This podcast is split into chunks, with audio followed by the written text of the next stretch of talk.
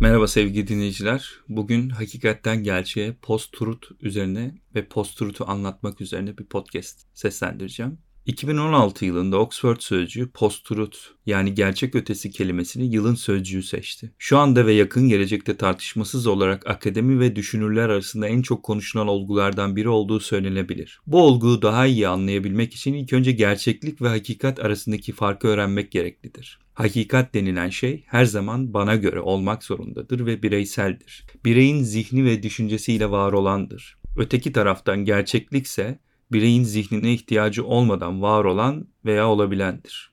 Hiçbir şekilde özden olmayan, özden olmaya en uzak olandır. Gerçeklik ve hakikat birbiriyle iç içedir. Bu da aslında varoluşsallığın gerçeklikten başlaması anlamına gelir. Gerçek hiçbir zaman entelektüel zihinlere yüzünü göstermemiştir ya da her defasında farklı şekilde göstermiştir. Antik Yunan'dan beri üzerinde düşünülüp kesin bir kanıya varılamamasının en büyük nedeni budur. Gerçekliğin yüzü var olma biçimi olarak insanlığa ters olabilir veya olmayabilir. Gerçeklik kendini göstermek zorunda değildir. Diğer taraftan hakikat öyle değildir. Yüzü insanlığa doğru dönük olmalıdır. İnsanlık uzun süreli gerçeklik üzerine düşünme sürecinin sonunda içinde bulunan dönemde çıpasız ya da referanssız kalmıştır. Bu durumda da hakikati her insanın bilgisine ve eğitim seviyesine göre değişen bir olgu yapmıştır. Bunu Platon'un mağara alegorisinden örnekleyerek açıklamak gerekiyor. Platon'un mağara analojisinde insanlar doğduklarından beri mağarada bütün vücutları çok sıkı bir şekilde bağlı ve esirdir. Birey dış dünyadan ve gerçeklikten gölgeler, sesler, yanılsamalar görür. Bu gördüklerini de zincirlerini kırıp mağaradan çıkamadığı için gerçeklik sanmakla yetinir. Zincirlerini kırıp mağara dışına çıkabilen elit filozof kişi sayısı çok azdır ve bu az sayıdaki kişiler mağaranın dışını görebilmişlerdir. Tekrar mağaranın içine girip zincirli olan insanlara gerçeği anlattıkları zaman ayak takımı olan yani zincirli insanlar tarafından alaya alınırlar. Eski çağlarda insanlık mağara içerisindeki dünyada istemsizce hapisken artık dijitalleşme ile yeni bir mağara olgusu daha ortaya çıkmıştır. Bu yeni dijital mağaraya birey aslında isteyerek girer, yaşadığı dünyadaki problemlerinden uzaklaşmak ve daha huzurlu bir hayat istenci en büyük sebeplerindendir. Yeni dijital mağarasında sorunları çok daha azdır. İstediği zaman istediği şeyi yapmakta özgürdür. Adeta kendi kuralları geçerlidir. Bu gerçek dünyadan uzaklaşma yöntemi kişiyi sanal bir dünya içerisine tıkar. Dijital mağara her geçen gün daha da gerçekçi olmaya ve yaygınlaşmaya doğru yönelmektedir. Bu süreç şunu gösterir ki insanlık zaman ilerledikçe huzur bulmak için kendisine sahte dünyalar yaratmaya devam etmektedir. Post-truth çağında asıl sorun şuradadır hakikatin değersizleşmesinden dolayı eskiden sadece elit kitle tarafından söylemlerle merkezden kontrol edilebilen kitle artık başka kitleler tarafından da üretilebilen söylemlerle inanmaya ve onu hakikati olarak görmeye başlamıştır. Post-truth'un çıkış kaynağı ya da en büyük sebebi nihilizmdir. Hiçliği isteme durumu ve bütün değer yargılarının boşalttırılması insanlığı modernist anlayışından sonra post-truth'a yöneltmiştir. Artık değerler arasında hiyerarşi yoktur. Modernizmde temel çıpa akıldır, daha fazla rasyonel olmak yüceltilebilen bir durumdur. Bu da entelektüel zihinlerin toplum içerisinde çok daha yüceltilmesini sağlar. Fakat insanın yapısı gereği o kadar rasyonel olması normal olmadığı için insanların iç dünyası ve duygu durumu bunu kaldıramaz. Hemen rasyonelliği askıya alır. Günümüz dünyasında bulunan durumda da rasyonellik askıya alınmış,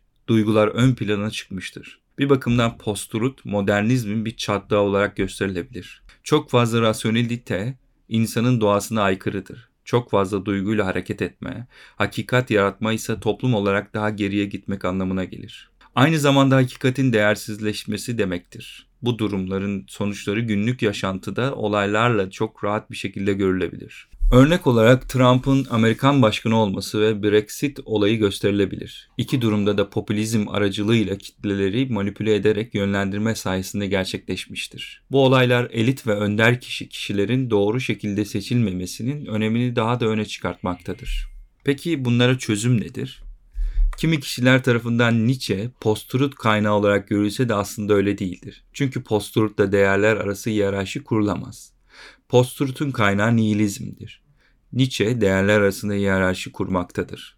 Nietzsche'ye göre hakikat dillendirecek olan kişi kesinlikle dürüst ve adil olmalıdır. Post-truth'ta asıl sorun burada çıkmaktadır. Çünkü post-truth'ta dürüstlüğün, adilliğin önemi yoktur.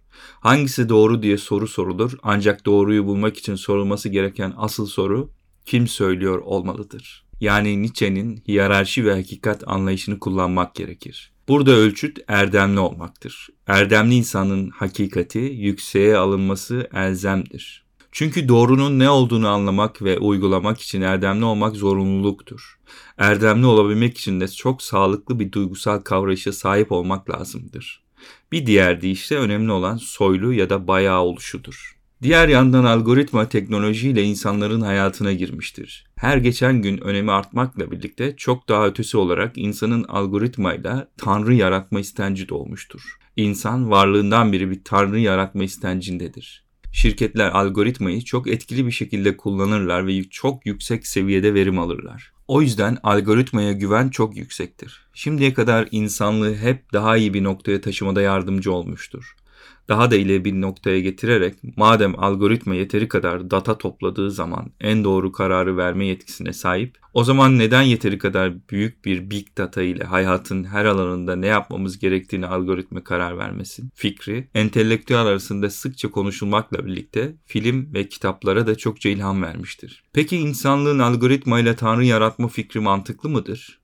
Algoritmaya güvenilebilir mi? Bakıldığı zaman algoritma şu ana kadar hep ticari amaçlarla ya da manipülasyon için kullanılmıştır. Belirlenen amacına göre gerçekten iyi sonuçlar vermektedir. Lakin bu bir gerçektir ki algoritma tanrılaşması yanlış amaçlar için kullanıldığı zaman insanlık için bir çöküş olabilir. Algoritmaya tam olarak güvenilemeyebilir. Çünkü bir noktada bir menfaat için hazırlanması gerekebilir. Algoritmanın varoluş gereği bu zorunluluktur o bakış açısının yani hakikat iyiliği için çalışacaktır. İnsanlık tarihi bize gösterir ki insan kendisi tanrı olmayı başarana kadar acıyı azaltmak için kendine tanrılar yaratmaya devam etmeye çalışacaktır. Yazan Furkan Türkeşar, editörü Fuat Eren, seslendiren Rıdvan Tüzemen.